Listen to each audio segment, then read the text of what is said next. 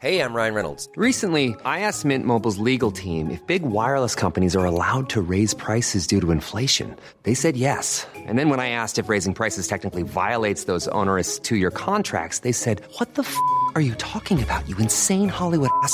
F- So to recap, we're cutting the price of Mint Unlimited from $30 a month to just $15 a month. Give it a try at mintmobile.com slash switch. $45 upfront for three months plus taxes and fees. Promo rate for new customers for limited time. Unlimited more than 40 gigabytes per month. Slows. Full terms at mintmobile.com. Den där. Den här bruden som du håller på med, eller nyss älskade. Prata inte för mycket nu. Det här är en podd. Ja. Kan vi klippa tillbaka? Ja, jag får klippa i början. Nej, den har ingen Ja, lagt det är. Avbryt inte. Det är inte gratis att göra podd och vi är beroende av varje bidrag. Swisha in ett bidrag på nummer 123 5354 857. Jag repeterar numret 123 53 54 857.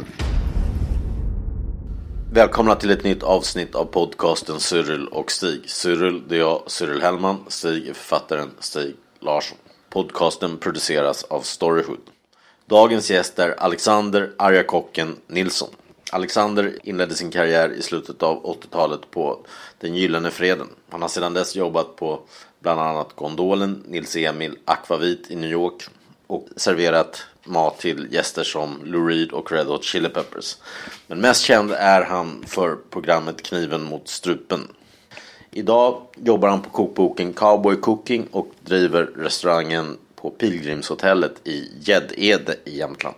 Välkommen säger vi till Alexander Nilsson som, som är här hos mig på Kungsholmen idag. Det är dina barndomskvarter, du har växt upp här på Kungsholmen också. Ja, tack så mycket för att jag fick vara här. Intressant. Kul att Ja. träffa er bägge två. Eh, jo, Du är jag den första kock vi har. Är det så? Okej, vad är det här programmet handlar om? idag? Allt möjligt. Ja, vi träffar människor vi är nyfikna på. Vi har Ja. det, det är mycket kul. författare och sånt också som vi känner och så. Men, men vi har haft bartenders till exempel och Ja, ja. Kriminella också. Och, Ja. Bartenders, kriminella och kockar. Det är en ny kedja startar. Jo men det är väl lite, det är som Anthony Bourdain lärde jag känna lite i USA. Du vet han som, Ja, Anthony Bourdain, ja, som, som gjorde He- He- Kitchen Confidential. Ja, just det. Han, han beskriver ju lite som ett, han beskriver ju kockar som någon blandning, eller ett kök blandning som en armé och ett rövarband. Pirater. Ja, exakt. pirater. Ja, Ja. Jo, men, exakt. Jag läste den boken för länge sedan faktiskt. Det, Ja, han, är, han är ju väldigt skicklig människa. rolig. Ja, den är bra. Han är ju dessutom, det står ju där, det var ju typ, eh, vad var det? Författare, alltså och, eh, deckare skrev han. Ja, ja. Började han och sen var han ju kock. Och det är ju många kockar som har varit annat innan också. Som också är väldigt intelligenta och blir bra kockar också. Ja. Det kan ju vara tvärtom att någon vill liksom helt plötsligt Ja, nu ska jag bli kock eller öppna restaurang. Och det har vi ju sett på Kniv mot strupen. Ja. Och det går ju inte alls. De har inte liksom det här i blodet. Nej, Anthony Bourdain beskriver de som vill öppna en restaurang lite som samma människor som drömmer och, och skapa en vingård, öppna ett hotell eller segla jorden runt. Lite drömmare som inte fattar jobbet bakom. Vad menar du? Vad vad var frågan? Att, nej, men de som vill skapa en restaurang bara sådär. Ja, men, jag. det, Att ja, en men det är liksom... De fattar inte jobbet ja, som... Jag vet inte hur många gånger jag har sagt det här, men det är typiska eh, fru, man, jobbat på Ericsson hela sitt liv, haft bra lön, bra ställt liksom. Och de är så uttråkade på sitt jobb egentligen. Barnen har växt upp. Och sen är det så mysigt på restaurang älskling. Ska vi inte öppna något eget? Det är så mysigt på restaurang. Ja visst är det mysigt för gästen. Det är ju det som är meningen.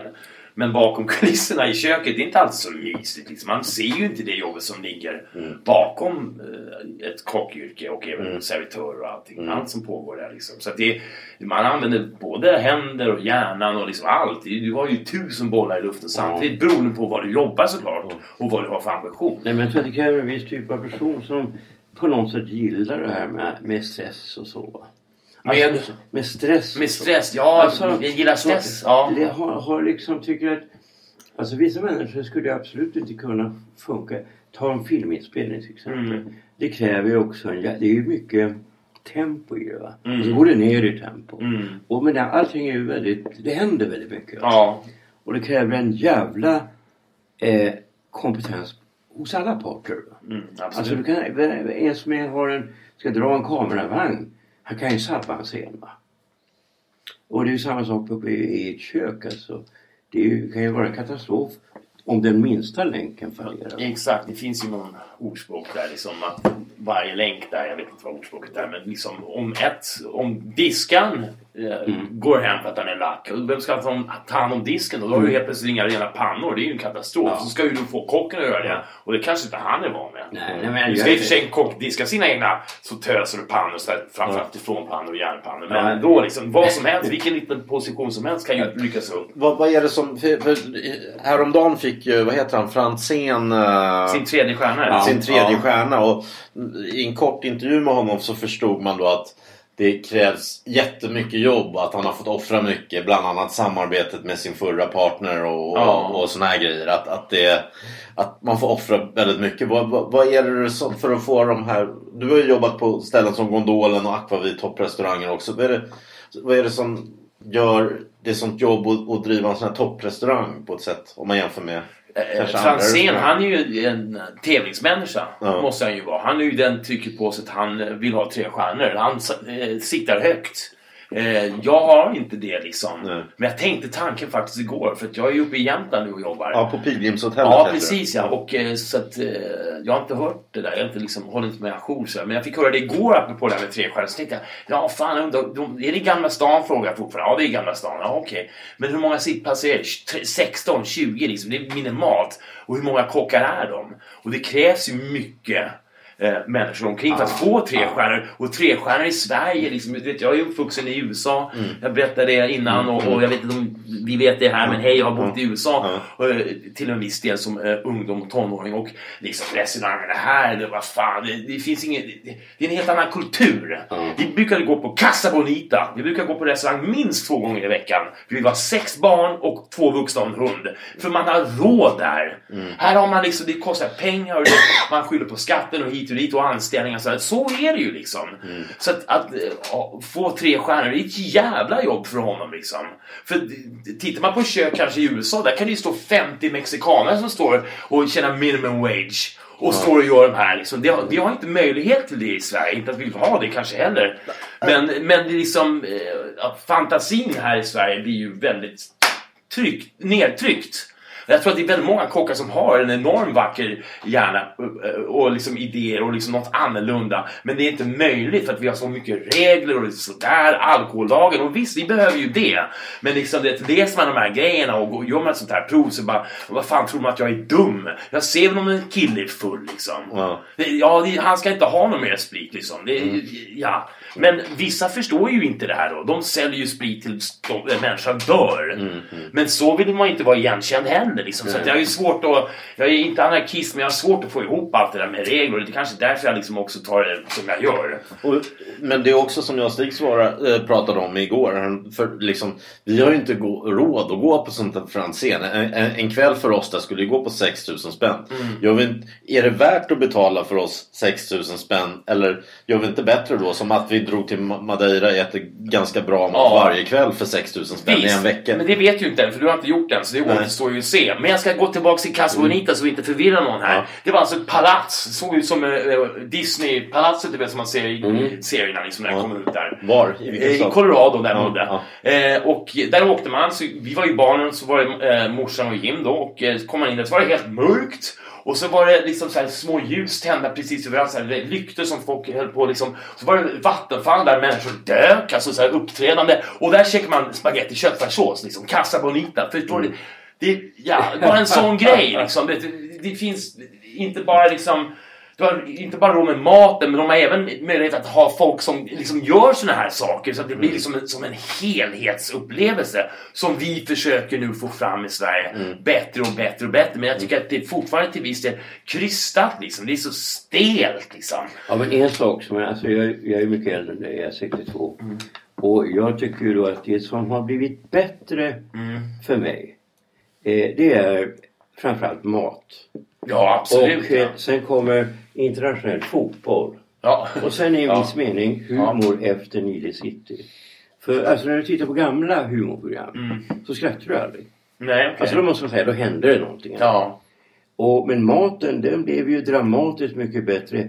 Jag ska säga från och med ungefär 1993, 94 något. Ja, det började faktiskt uh, ungefär vid 89-90. Ja, EU var det. Vi fick ju helt plötsligt färsk timjan in. Ja. Och vi rucola och det här liksom. Helt plötsligt var det liksom... Det är ganska intressant. Det var väl Melker Andersson som jag hört tog in det där. De kallar för rocket salad och bla bla bla. Liksom. Rucola, det heter senapskål. Det har funnits i Sverige länge. Men vi har ansett det som ogräs och bara rivit upp det och glömt bort det.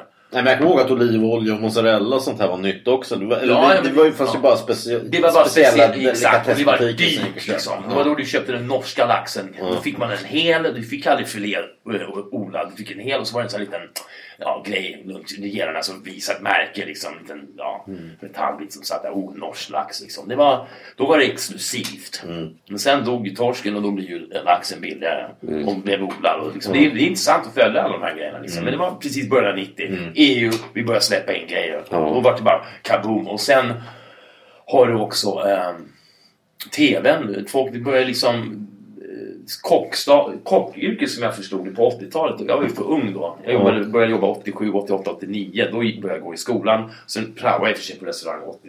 Ja, Du, du gick här i Kristineberg, Ja, här kockskolan. Och, och vad, vad började du jobba någonstans? På, på? Eh, första, min första jobb, ordentliga, alltså riktiga jobb efter skolan, det var på den Gyllene Fredagen. Ja. Och det var, Det var då var det restaurang på den tiden. Ja, Ja. då, var det nyöppnat och då var det en, en köksmästare som heter Stefan Torstensson. Han heter inte det idag, han heter Bjur i efternamn och han var känd som ölkocken. Han var också känd i media på så sätt, men media var inte media som det är idag. Mm. För det var det jag tänkte komma till att kockarna fick ju en renässans med media också. För att lönerna på 80-talet var ju väldigt bra. Vet, Folk tjänade dricks hit och dit. Kockarna åkte ju Porsche och bla bla bla. Det var ju kungar liksom. Sen drog de ner lönen liksom. Och Mm. helt plötsligt kom TV. Och då fick du ju det en renässans också. Så att det har ju lyfts upp det. Och allt det här med maten och sånt kocken där. blev någon rockstjärna med TV-kocken och Ja, Florida de här som ja kom först. precis ja. Det, jag tror att jag ska inte säga att, vad heter han, Jamie Oliver var den första. Det var den bästa som jag tycker. jag var. Floyd är den absolut kungen. Han Han kunde ju snacka också. Mm. Och det är det som är hela grejen. Jag kommer ihåg på fyran, du vet, de skulle på morgonen där stackars jävlarna. Eh, stå där och göra någon morgonrecept liksom. Man följde, det var inga klippningar, ingenting. Det gick ju hur långsamt som helst. Det var helt tyst i TVn liksom. och det var så, okej, vilken underhållning. Mm. Sen kom ju då Jamie Oliver och sen kom ju... Eh, Gordon Ramsay. Ramsay, ja precis ja. Mm. Men jag var aldrig liksom, inte så mycket på såna här grejer. Och Jamie Oliver, han var väl en engelsman som lagade italiensk som eh, lesba tyckte jag typ. Ja. Men hur kom, hur kom du in i TV? För du är mest känd för folk som arga kocken i Ja. Kniven mot strupen. Ja. Som Sveriges motsvarighet till Gordon Ramsay då kan man säga. Mm. Där du, du går in till på lite sunkiga ställen hak, kan, kan man säga. Och, och försöker styra upp dem. Och, och gärna, med, gärna med lite förolämpningar nästan. Ja. Kan man få ta en cigg? Ja men det är bara att ta. Kanon.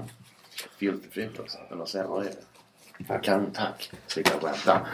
Ja, förlåt. Hur, kom du, hur kom du in i TV? Mm. att, hur, hur tar man det klivet liksom? Eh, ja, det var en vän till mig som jag har jobbat med. Eh, som eh, fick en frågan om någonting. Om han skulle vara med i ett program. Han sa nej för han skulle göra det ena och det andra. Eh, och då frågade ju de om han kände några som skulle kunna liksom, som, som karaktär då. Så var jag en av dem liksom.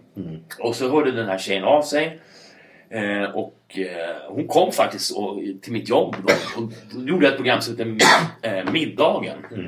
Som var typ eh, innan Halv åtta hos mig. Då var jag som en joker där. De fick laga middag till varandra och så fick de laga middag till och då skulle jag vara med liksom. Men hon kom till mitt jobb och satt mig och intervjua. Eh, hon intervjuade mig då och eh, frågade liksom Ja vi ska göra ett nytt program bla. Det var då middagen. Och vi ska ha typ en sån här skön kille säger hon så här till mig. Och, och det den är som Jamie Oliver Då sa jag så här stopp. Jamie Oliver det är jag inte liksom. Och då sa jag precis som här i, i, kanske otrevliga orden som jag sa innan. Jag är inte engelsman, jag lagar inte italiensk och liksom. Det där är tyvärr liksom. Jag är så här, då jobbar jag i en skola. Och då, är- där var det ju, gällde det att vara hård. Liksom. För då har du ju liksom 17 stycken, inte ungdomar, men alla olika åldrar. Och liksom släpper du taget där, det, är liksom, det går ju isär direkt. Det kan ju vara hej vilt. Så jag var ganska liksom så här går det till i ett kök och det gör det ju också i ett kök. Eh, Franzén liksom. Det är nog en jävla disciplin där liksom. Folk kan ju vara liksom vad de är sen på fritiden. Men när du är på ditt jobb och du ska eh, få tre eller liksom sikta mot toppen då är det fan får du vara liksom eh, skärpt och då krävs det regler liksom. Och det är ju kockar som jobbar då med Franzén införstådda på. Det är ingen som står där och håller på liksom. Ja, det, det är kan man säga vissa typer av yrken. Där kan man säga alltså, jag har ju då jobbat med film som regissör. Där är det ju en extrem hierarki och måste vara det. Ja, okej. Och så ja. samma sak med teater. Ja. Men alltså i film är ännu mer, det kostar ju mer per dag. Va? ja, men exakt. Ja, Eh, och sen är det eh, alltså att jämföra med, jag har ändå både gjort lumpen och person, men det är alltså går inte att jämföra med hur hierarkin, hur blind den är. Alltså det är, jag har lumpen om det är skarpt läge, men det är det ju inte. Det är det ju inte. Och i ett kök så brinner det ju. Nej, liksom, det, alltså, det, det är ju liksom... det är vissa yrken där du helt enkelt måste skippa vissa normala regler, eh, demokrati och bla bla bla. Ja. Men det funkar inte de yrkena. Nej. Men precis. Då är liksom, sen är ju alla arbetsplatser inte likadana. Men ja, liksom, om man vet vem som styr så är det jävligt skönt. Ja. Jag är inte mycket för det vad tycker du då? Jag vet inte, vad tycker du då? Ja, vi har ett möte nästa vecka. Man kommer inte fram till någonting. Är det, så, alltså, är det så att, man har, att, kockarna har sina egna stationer och så du som chefskock då någon överbefälhavare som liksom... Så kan det absolut se ut, ja. Ja. Eh, Men man kan ju också rotera liksom. Ja. Alla kockar ska ju, om man är kock och utbildad och jobbar så ska man ju kunna göra det mesta liksom. Ja. Sen om man inte kan det så lär man sig väldigt fort för man är ju van att hantera livsmedel. Man, vet, man har ju grunden i, sig- i sig liksom. Så man vet att någonting blir dåligt om det inte direkt hamnar i kylen och sånt där. Man liksom plockar undan det som är, inte behöver stå ute liksom. Det, men det finns ju många kockar som bara har grejer överallt liksom. Och det förstår man inte. Men det, det är ja. Från Nej, men alltså, jag, ty jag tycker att det sen, alltså, skedde då eh, en, också en stark förändring på 2000-talet. Alltså, jag, bor ju då på Ja. i Lessingen. Det har blivit mycket mer restauranger där. Men alltså de här lunchrestaurangerna. Där kan det fortfarande vara så att de serverar sämre mat än vad de kan.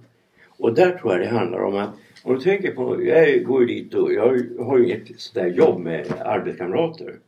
Men de som sitter vid borden bredvid, de har, kommer med sina arbetspolare. Mm. Och de vill ju inte vara kitsliga och liksom utmärka sig på något sätt. Ingen klagar på maten. Nej. Det är De bara, bara, det är som föda liksom. ja, det är bara jag som klagar på Ja. maten. Ja, men det, är, det är väl också något typiskt svenskt. Jag märkte det också. För jag, jag, kanske inte idag, men mycket på 80-talet så där, när man började gå ut på restaurangen. Och särskilt Jugghaken var det så att de, de, när i början när de öppnade blev de, var de bra. Ja. Sen snabbt gick de ner så. Det, det, min teori var att, eller om det var min mammas teori, var att eh, svenskar aldrig klagar. För jag tycker jämt det var pinsamt när morsan klagar på maten. Men, men hon sa att det ska man göra om man betalar för det. Och, och det gör ju också att, att, att det försämras köken om folk inte klagar. Jag kan berätta en sån här solskenshistoria. Det öppnade en thaikrog som först, de sålde den. Det var en thailändare som hade den va. Eh, Och det var helt okej mat. Alltså som är på Essingen. Så öppnade en ny, eh, en, en dam och en, hennes son tror jag. Och det är förfärligt. Eh, Så jag säger, men det här kan inte jag äta. Det här måste ni ta ut. Ja. Jaha, och så kommer han med en annan rätt. Nej, nej, ingenting av det här kan jag äta. Jag måste gå nu. De såg väldigt olyckliga Ja. ut. Sen väntade jag i två år. Och sen kom han hit och det är riktigt bra. Mm. Alltså, han behövde det. Mm. Ja, absolut ja. Man måste ju säga till ja. Han blev ju naturligtvis Ja. väldigt chockad. Liksom. Ja, om man, jag inte får höra det det. annars, om man inte får höra det annars liksom. Och egentligen ska du inte betala för det heller. Nej, egentligen inte. Men om du går tillbaka till det här med eh, de här jugghaken som Ja. du säger. Och det, jag vet ju precis på ett ungefär vad det beror på. För det är någon som äger stället och de har en kock. Och det blir oftast bråk liksom. Och det är säkert en duktig kock som jobbar arslet av sig. Och sen är det dags att betala ut löner. Eller, Det kanske har gått ett halvår då liksom. Mm. Vad fan är pengarna säger de där liksom. Ja men det tar en tid att bygga upp någonting. Liksom. Man får inte liksom, allt sitter inte på en gång. Liksom. Det är det folk, man brukar säga då i restaurangvärlden förr i alla fall, jag tror att man säger det fortfarande nu också, det är att det tar ungefär två år för att få ett ställe att gå, för att gå plus. Liksom. För det är mycket som ska köpas in, mycket som ska sittas. Och sen måste du ha en, en bra demokrati eller liksom, eh, förhandlingssätt eller en dialog med kocken. För när han sticker, då försvinner ju den maten. Liksom. Och den, den andra kanske steker fiskpinnar, visst, men han gör ju kanske på sitt sätt och inte alls kommer till den här kryddningen och alltihopa. Allt är ju väldigt personligt liksom. Och det är ju sånt här som man stöter på jämt i, för att man, kockar är ju nomader liksom. De går ju från ställe till ställe. Oftast liksom. Eh, Jag känner inte många, eller jag var i alla fall inte, så jag stannade väl något år på ett ställe. Liksom, För att man lär sig tillräckligt då. Sen vill man gå vidare och se något nytt. Och man lär sig alltid, oavsett vilken ålder egentligen, så lär man alltid något nytt av någon. Liksom. Så det, det är så det är liksom. Så att om man har en krog, se till att b- bästa vän är eh, kocken då, om du vill öppna någonting. Och att, att ni är goda vänner och att han är införstådd på att nu gör vi det här för evigt. Eller i alla fall ett antal år tillsammans. Så att det inte blir det här att de sticker efter ett halvår. Då går ju maten ner. Eller så tar den här, ja, nu måste vi dra ner på det här inköpet säger han då. då liksom. det, ja, då faller ju kvaliteten direkt. Kocken blir less för han vill inte stå där och steka tjabbiga fläskkotletter. Han vill ha kronkotletterna såklart. Det är ju hans yrke. Så borde det ju vara. Ja. Ja, men jag vet, jag har en annan sån här bi- billig krog. Jag är ju periodvis väldigt fattig och periodvis ganska rik. Eh, som eh, Lilla Asien. De är väldigt trevliga så här. va. De har inrättningar som är helt okej. Och så plötsligt känner jag så här, alltså när det var lunch. Att de har bytt leverantör. Och då så säger jag mycket lågt till henne. Ni har bytt leverantör. Ja, jag kan inte ljuga för dig Stig. Du märkte Jag det direkt? jag märkte det på en gång. Ja. Hur märkte du det då? Intressant. Nej men alltså det... Lingonen var annorlunda. Nej men alltså det, det är ju då... Ja hur fan alltså. Det Ja, du märker det, ja. Man, man Ja. märker det. Och, eh, och då sa du det. För grejen med det. De vinner på det. Mm. För att de som går dit.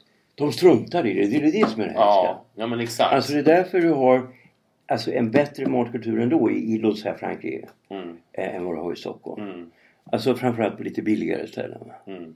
Därför att publiken är, är inte så kritisk. Nej. Alltså en kritisk publik.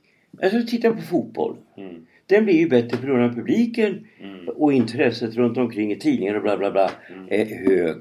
Har du ingen kritisk publik Titta på teater så är det den mest okritiska publik som du överhuvudtaget kan ha. Ja. De applåderar ju hela tiden. Ja. Och då blir teatern också dålig. Ja. ja. Jag har aldrig tänkt på det, just teaterbiten där. Jag har gått på en del teater, gjorde det förut liksom. Det har ju rätt liksom. Folk är ju väldigt såhär, ja man ska sitta rakt i ryggen. Du får inte ha armarna på bordet, inga armbågar. Mm. Ja, det- Och så ska du skåla, du måste ha den andra klappen där liksom. Det är som att... Ja. Jag vet, det är enda gången tråkigt. Du vet, jag, det, det är ju så många skådespelare som känner mig va. Så jag kan ju inte gå heller. Jag måste ju sitta där. Eh, I tre timmar eller något sånt där menar så, och jag kan ju inte läsa eller någonting sånt det där. akut toalettbesök. Men i närodlat till exempel, det är ju väldigt populärt nu. Blir maten bättre av det? Eh, ja, det beror ju på vad de har odlat såklart. Ja, ja. Eh, Men- det är ju faktiskt så. Men det, det, och det, ja, man vill ju jobba Men nu är det, lokalt liksom, det, liksom- det kan vara kött från Ekerö för att det är nära Ja, det, är, och, mm, det behöver inte vara bättre, absolut inte. Men, men är du medveten om att du vill ha närodlat och sådär så är du ganska medveten Ja. om också vad kvalitet är. Liksom. Som du nu när du där uppe. Pilgrimshotellet det ligger på gränsen till Norge norrut. Ja, precis. Det Exakt. verkar som ett sånt ställe man ska åka på en romantisk weekend. Hey, I'm Ryan Reynolds. Recently, I asked Mint Mobile's legal team if big wireless companies are allowed to raise prices due to inflation. They said yes. And then when I asked if raising prices technically violates those onerous two year contracts, they said, What the f are you talking about, you insane Hollywood ass? F- So to recap, we're cutting the price of Mint Unlimited from $30 a month to just $15 a month. Give it a try at mintmobile.com slash switch. $45 upfront for three months plus taxes and fees. Promo rate for new customers for limited time. Unlimited more than 40 gigabytes per month. Slows. Full terms at mintmobile.com. Hi, I'm Daniel, founder of Pretty Litter. Cats and cat owners deserve better than any old fashioned litter. That's why I teamed up with scientists and veterinarians to create Pretty Litter. Its innovative crystal formula has superior odor control and weighs up to 80% less than clay litter. Pretty Litter even monitors health by changing colors to help detect early signs of potential illness. It's the world's smartest kitty litter. Go to prettylitter.com and use code ACAST for 20% off your first order and a free cat toy. Terms and conditions apply. See site for details. Ja, det tycker jag verkligen. Ja. Det, och, det, det jag gör där uppe nu, det är faktiskt helt otroligt när man tänker på det. För att helt plötsligt börjar folk gå på restaurangen. Mm. Eh, så jag håller på med, liksom inte för att klappa mig själv allt för mycket på axeln, men jag har ju gjort bra grejer för den här staden. För det är någon slags gastronomisk renässans. De Men det har blivit det i Jämtland på något konstigt sätt. Vad sa du? Det har ju blivit det i Jämtland på något konstigt sätt. Ja, nej men jag har... Det började väl med den här japanska krogen.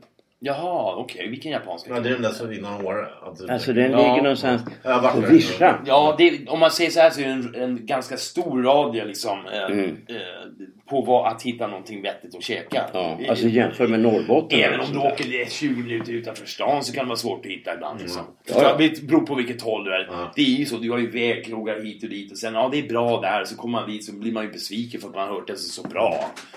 Jag menar, det kan ju vara Ja. så också. Oftast är det ju så att när man inte hör någonting och då kan man ju sk- skaffa sin egen uppfattning. Det är som att se en film. Ja, det är ju skitbra. Sen går man och ser den. Bara, Vad är det som är så bra med Ja. den? Nej, men jag vet, jag jobbade med min farsa, han sålde leksaker. Ja. Eh, och han åkte runt hela Norrland. då. Ja. Och då var det en restaurang som han tyckte var bra alltså. Ja. Och det var en så det var en vanlig så här, du vet, restaurang, lunchrestaurang i Gävle. Mm. Alltså, alltså du måste höra en grej. Han är jävligt otrevlig. Ja. Ja, det, är ja, ja. Hans, det är hans grej. Ja, det är hans grej. Så han förolämpar alla gäster. Ja. Men maten är riktigt bra. Ja. Och jag minns den där maten. Den var riktigt jävla bra. Men det var ju så udda med en, en fransman va. Ja, Alltså, jag vet, vet, man, Ja. man, då så här brickservering va. Så Ja. ropar han ut när maten är klar. Och så var det några tjejer framför mig och sa är, är lammet bra? Ja, och du är som ett lamm. Gammal och Det hade- lammkött. Det hade Det blivit... var länge sedan man hörde. Det hade blivit, lammkött. det hade blivit metoo alltså på en gång. Gräddkyckling. Nej men Ja, alltså, nej, men, och sen ropar han ut Du tjocka damen där i hörnet, Ja. kom nu din mat är klar. Ja, det var roligt. Ja, men det blir lite personligt på ett sätt då kanske. Om den Ja men alltså det var det enda i hela jävla Norrland. Alltså Norrland var ju verkligen... Sen vet jag att min kusin och hennes man startade en restaurang. Och den, just den dagen vi var där, jag var på någon turné. Ja. Så blev jag magsjuk så jag kunde Ja. inte gå dit. Mm. Men alla de andra, det var vissa sådana riktiga gourmeter. Mm. De sa det här är det enda riktigt bra i Norrland. Så det var ju bra. Va? Mm. Men det var ju så, alltså när jag var ung. För att när jag var riktigt ung så var jag så här, du vet 15 så här va. Mm. Så jag tyckte att mat var någonting hemskt. Mhm. Eftersom, alltså skulle du ha ätit den skolmat jag fick så skulle du kanske inte vara kock va. Ja, men jo tack. Jag gick ju här på Kungsholmen. Det var Ja, så men mycket alltså- bättre på 71. Alltså, nej men alltså 60-talet va. Ja. Och sen höll de i dig va. Och En höll i munnen och en Ja, ja, tryckte men in. va. tvinga en att käka. ja. Tvinga en att äta va. Och, och så berättade min farbror. Varför gjorde de det? Liksom- ja, men han, han, han, hade, han skulle utbilda sig till bowlinghallsföreståndare. Han var Ja. konditor. Och enda utbildningen var i Zürich. Så han åker till Zürich då. Och så kommer han tillbaka och så ska han berätta en grej för mig. Mm. Så du Stig, jag ska berätta en grej för dig. Kom här. Ja, vadå? Jo, alltså mat kan vara god. Och det, alltså vet jag, Mm. Ja. trodde Och grönsaker? Ja. Nej, Ja. nej men Du grönsaker. Du vet grönsakerna i Norrland, du kan tänka dig hur de smakar det. Ja, absolut. Men ja. nu på ditt, vad har ni för specialitet? Kör ni närodlat då när vi är i den? Eh, jag har ju inte varit där så länge men visst gör vi det. Och det är ju tanken också att jag har ju liksom Jag är fortfarande väldigt mycket i köket liksom.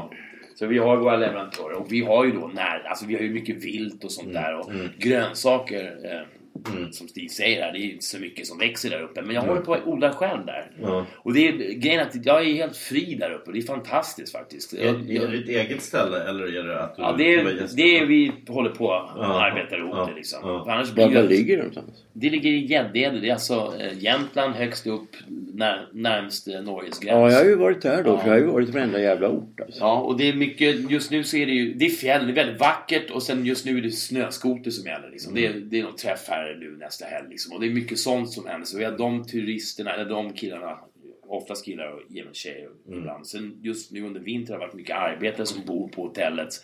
För att, eh, ja, de jobbar på någon gruva eller vad det nu är liksom.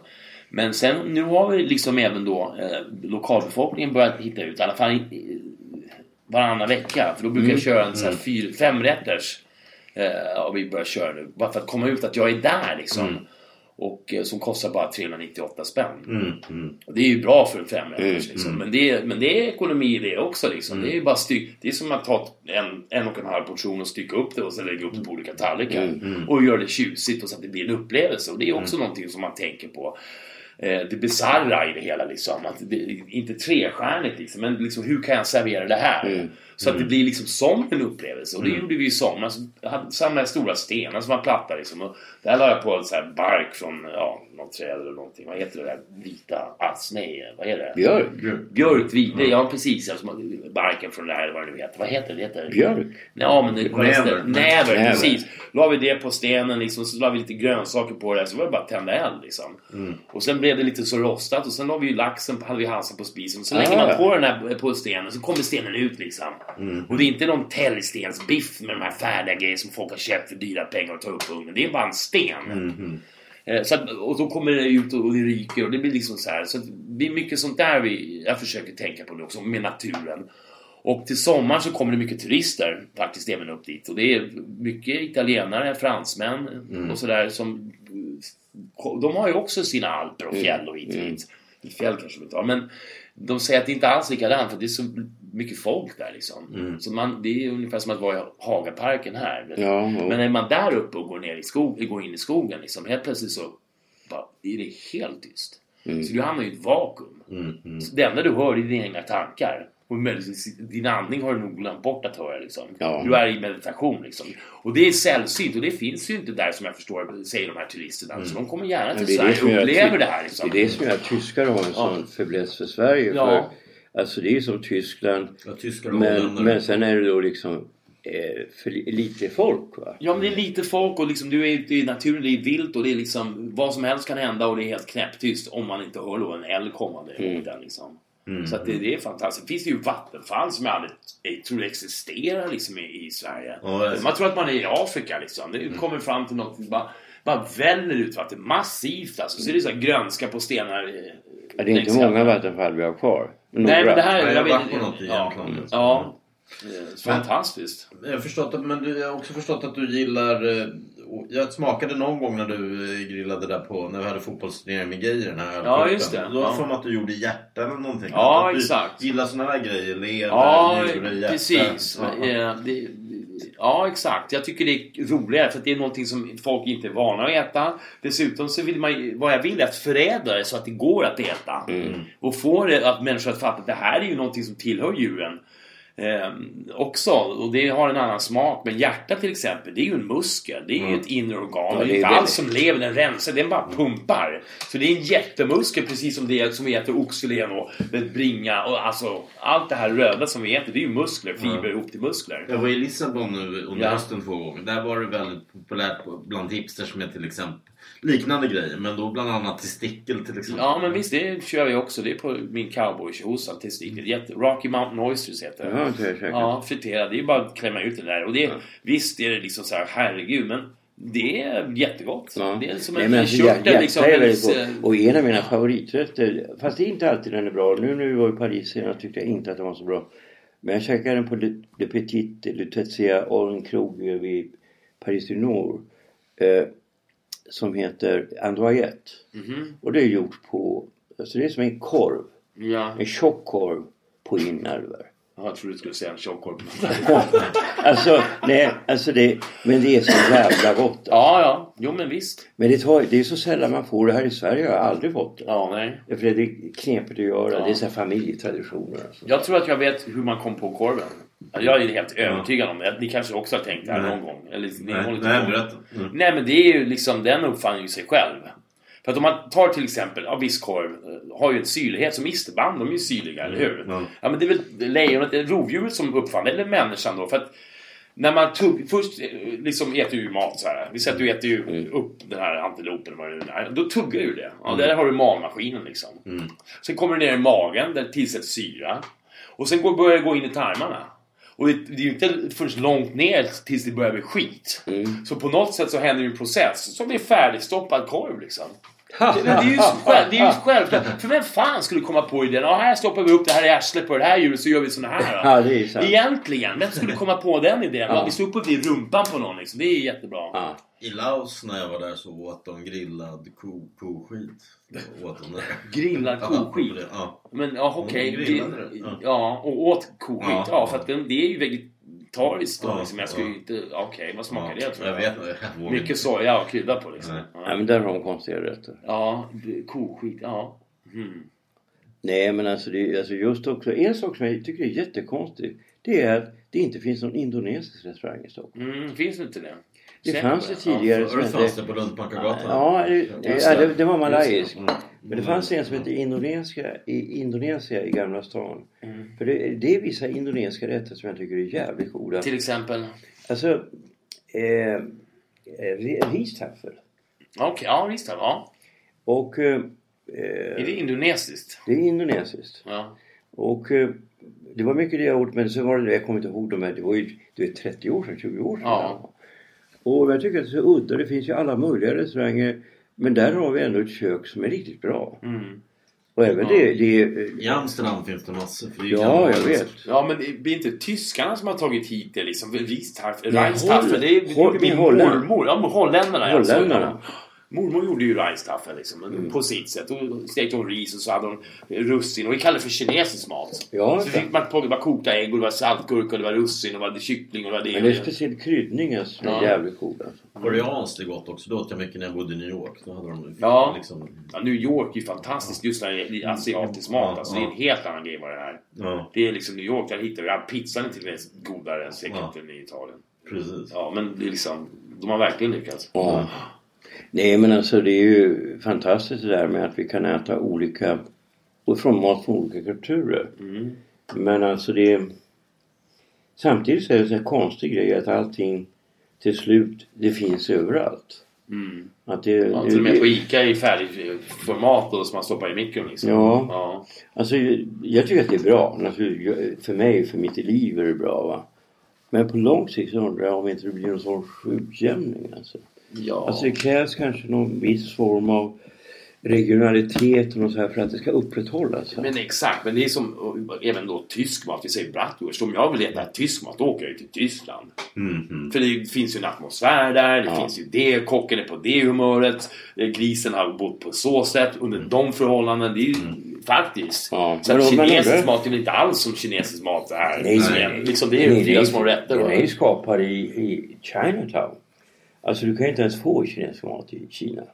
I Kina? Nej. nej, nej, du får kinesisk mat, men det här vi får som Ja, vi det- kallar kinesisk nej. mat. Ja. Ja men här har de gjort om som det här Ja, biff men jag med bambuskott. ja. Det var en försvenskad variant av Ja. biff med lök de gjorde. Ja. Så, Ja. för, för att anpassa det till svenska Ja. när de kom Ja. på 60-talet. Nej men alltså det fanns ju en restaurang på Vallalavägen. Nu finns det en Ho som är ganska okej. Ja, just Men det. på Valla- Vallalavägen har var riktigt bra som heter Loy. Ja. ja. Finns en bra vid Gullmarsplan också. Ja.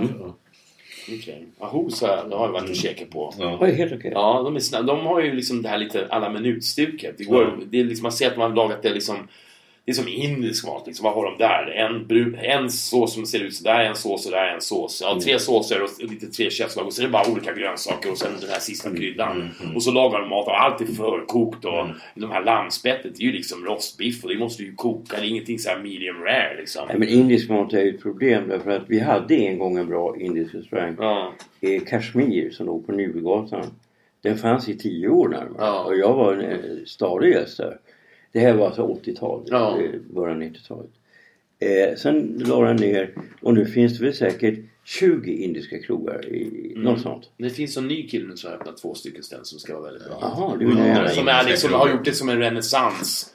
Eh, där också för att det har varit så mycket ja, indiskt, man vet vad det smakar och det är liksom den starka De har ju också sina olika distrikt. Jag var i Blåkulla finns det också i, alltså i Solna i förorterna finns det en som gör punjabköket till exempel. Mm. Just det. väldigt bra. Ja. Så att det finns vissa Ja. speciella... Ja, de är väldigt men jag stolta över sina kök också. Ja, men jag var ju... Jag, jag, Rörstrandsgatan har de öppnat när de gör upscale. Som Ja, men det är det, okej. exakt. Det är det här, vad, vad heter det för något? Jag blev lite inbjuden men jag har aldrig lyckats Jag komma bort vad de heter. Men de är Ja, helt okej. Ligger också på eh, Vasagatan. Ja, ja. Eh, Bro. Eh, ja. faktiskt har han öppnat där också. Det ska vara väldigt bra. Hur ofta går du på, på, på sådana här riktigt fina restauranger och andras?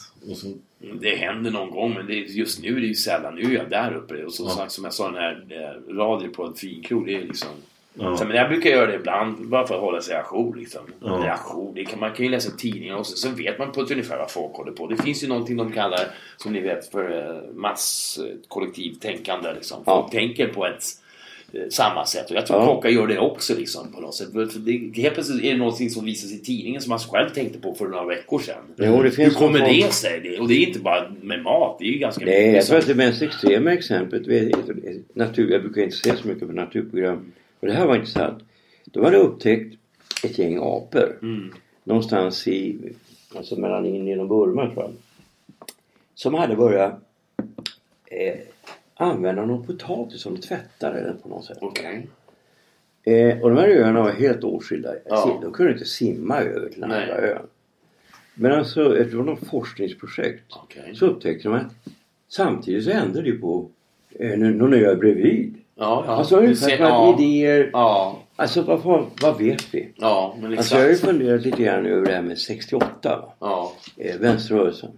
Ja, det var ju inte så att... För jag tillhörde ju vänsterrörelsen alldeles i början. Alltså när jag var 15. Ja. Eh, men det var inte så att vi tog på TV och sen tänkte vi nu ska vi demonstrera och så va. Nej, det, det var ungefär så. För det handlar ju då naturligtvis för, för många var utbildade. Livet låg öppet. Men det var lite hård konkurrens och så här, va. Och det var mycket det som var den sociala eh, grejen. Plus brudar och alltihop det där va.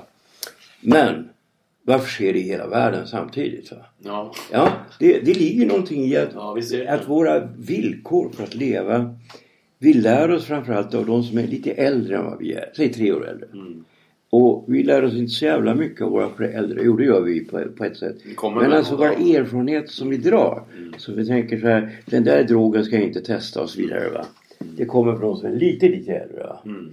Och det gör att det blir vissa likheter mellan olika nationer som inte har ett dugg med varandra att göra. Ja, absolut. ja det är på något sätt så hänger det ihop liksom.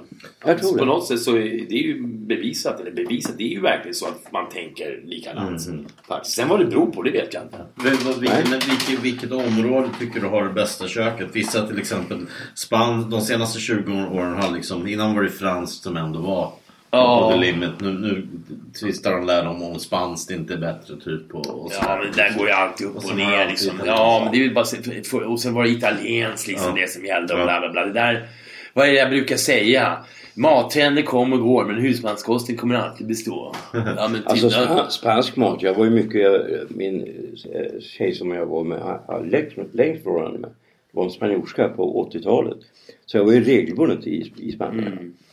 Och jag skulle vilja säga att det spanska köket på 80-talet. Mm. Det var inte bra. Nej. Alltså inte ens när du gick på lyxkrog. Nej. Baskiska sägs vara bra däremot. Jag har inte- Ja men det har ju blivit en ny grej med du vet. Ja. När Ja men han, det är ju en kille jag minns, jag är så dålig på namn. Jag borde ju kunna det men eh, som i Spanien som har liksom lyft, fått en renässans där också. Det är ju för flera år sedan då liksom. Eh, och, och det har ju lyft upp det men det är samma. Jag åker till, jag har varit i Spanien flera gånger. Jag är inte imponerad alls liksom. Jag vågar knappast äta det för det ligger i så här kyldisk uppe på en tallrik och det är svinvarmt ute. Och det, ja. Ja, men på, på så sätt. Och så är det någon där tortilla, liksom ägg, eh, omelett, Ja, alltså det, det, liksom- är, det som är riktigt Ja. bra det är i Galicien vid kusten. När du får färska skaldjur. Ja. Alltså det är ri- riktigt jävla bra. Ja, vad jag har käkat bra det är faktiskt Portugal. Ja, där jag käkat liksom, där, typ samma stuk Ja. skaldjur liksom Mm. vid stranden fast en bit upp, Ja. en litet ställe. Man ser liksom eh, hovmästaren bara hej välkomna i stort leende. Så har han gula eh, gummihandskar på sig, diskhandskar. Bara grabbar ner en hummer eller vad han nu letar efter sitt stora akvarium liksom. Så kommer det ut mat, smakar fantastiskt Ja. och till ett bra pris. Ja. Då, är man, då har man hittat rätt. Och de gör ingen stor reklam. Det är inte de som finns på de här broschyrerna kom till mig och ät liksom. Nej. Det är, ju, det är ju den stora fällan, det är de här broschyrerna liksom. Mm. Och, äh, liksom eller du vet de här, hej, eh, där borta kan du få en stor stack av pizza för 99 spänn som du ser på Drottninggatan. Mm. Liksom, då står det, vem vill gå dit? Eller, förstår? Nej, Ställa men alltså jag, var, jag råkade vara, eller vi åkte då till den västligaste punkten i Spanien. Mm. En liten by som heter Finisterre utanför Santiago de Compostela. 10 mil bort. Och när vi kom dit så var vi på en liten så här skabbig restaurang med sån här plasttak. va. Mm. Som hade något som heter Percebes. Och då tänkte jag, det ska jag pröva. Ja, det heter alltså långhalsingar på svenska. Mhm. Fast det är extremt sällsynt i Sverige. Det är en mollusk. Ja, just det. Eh, som är extremt exklusiv. Ja, Men alltså det är därifrån den hämtas, från den byn. okej. Så det kostar liksom... Vad, vad hämtar de den här mollusken då? På klippväggar, det är därför det är så dyrt. Alla, folk dör ju. Ja, okej. Det är alltså flera dör varje år. Men hur, för det, jag var ju i Frankrike då fanns det ju massa så här mollusker som liksom man försökte liksom få bort och så här, för det var ju någonting. Ja men det fan, alltså den här mollusken är helt enkelt... Om du tänker eh, ostron va. Ja, Och så lite köttigare. ja. Och så ännu mer smak. Men hade det skal? Nej det är nog inte ut... Den- det var som en propp, det- liksom. Det, men det Ja. ligger bara tryckt mot bergväggen. Ja, exakt. Och då hänger du rep. Ja, Och så plockar du dem där. ja. Fast när du åker till säga Madrid Ja. och ska köpa percevet då får du fan betala 600 spänn eller något sånt där. Ja, det ostron var ju likadant som den här stora blå den här filmen. Ja. Han pappan som döp ostrondykare Ja. liksom. Ja, så var det ju förr i tiden. Nu odlar man ju ostron. Men det är fortfarande dyrt. Ja. Ja, det är liksom... Vad, vad, du, du, hur, är din kokbok släppt? Cowboy Cooking eller jobbar på den fortfarande? Eller? Eh, den, är, ja, det, den, har ju, den är ju färdig i princip. Ja. Liksom. Det har bara lagts på is. Jag har varit lite ska dålig ett släppas. tag. Liksom. Ja, Ja, ja. det vet jag inte. Jag bryr mig liksom inte. Jag har ingen så här liksom, åh jag måste släppa en bok liksom. Det vore ju synd om den inte gjorde det liksom. Mm. Men jag tycker att liksom allt det här med liksom män, ja, folk, män eller vad säger människor liksom, eller ja nu ska vi göra det här, det händer fan ingenting. Ja men man måste göra det. Fan, nej, det är ju det är jag som är TV-rutan, det är jag som är stjärnan. Så liksom, ska det vara så ska det vara, så tycker jag. Men jag är uppvuxen i USA liksom. Jag gör det jag är bra på. Jag är inte bra på att organisera papper och skit. Liksom. Det är därför, då hade jag ju tagit det jobbet. Då hade jag inte stått som kock. Och det är det folk inte fattar. Och grejer, ja men visst, och så ser man när de börjar räkna liksom, pengar. Så, så, det, det är bara liksom så jävla fult och allt det där tycker jag bara. Uh, Bonniers liksom, de tar ju 85% av det liksom. Fuck you säger jag bara. Ja men jävla, du vet förstår vad jag menar liksom. Det är bara, det är bara allt sånt där eh, tycker jag är bara... Vi slutar där. Ja. Det är inte gratis att göra podd och vi är beroende av varje bidrag. Swisha in ett bidrag på nummer 123 5354 857. Jag repeterar numret 123 53 54 857. Hi, I'm Daniel, founder of Pretty Litter. Did you know cats tend to hide symptoms of sickness and pain? I learned this the hard way after losing my cat, Gingy. So I created Pretty Litter, a health monitoring litter that helps detect early signs of illness by changing colors, saving you money and potentially your cat's life. Pretty Litter is veterinarian developed, and it's the easiest way to keep tabs on your fur baby's health right at home. Go to prettylitter.com and use code ACAST for 20% off your first order and a free cat toy. Terms and conditions apply. See site for details. Planning for your next trip? Elevate your travel style with Quince. Quince has all the jet setting essentials you'll want for your next getaway, like European linen, premium luggage options, buttery soft Italian leather bags, and so much more. And is all priced at 50 to 80% less than similar brands. Plus, Quince only works with factories that use safe and ethical manufacturing practices. Pack your bags with high-quality essentials you'll be wearing for vacations to come with Quince. Go to quince.com slash pack for free shipping and 365-day returns.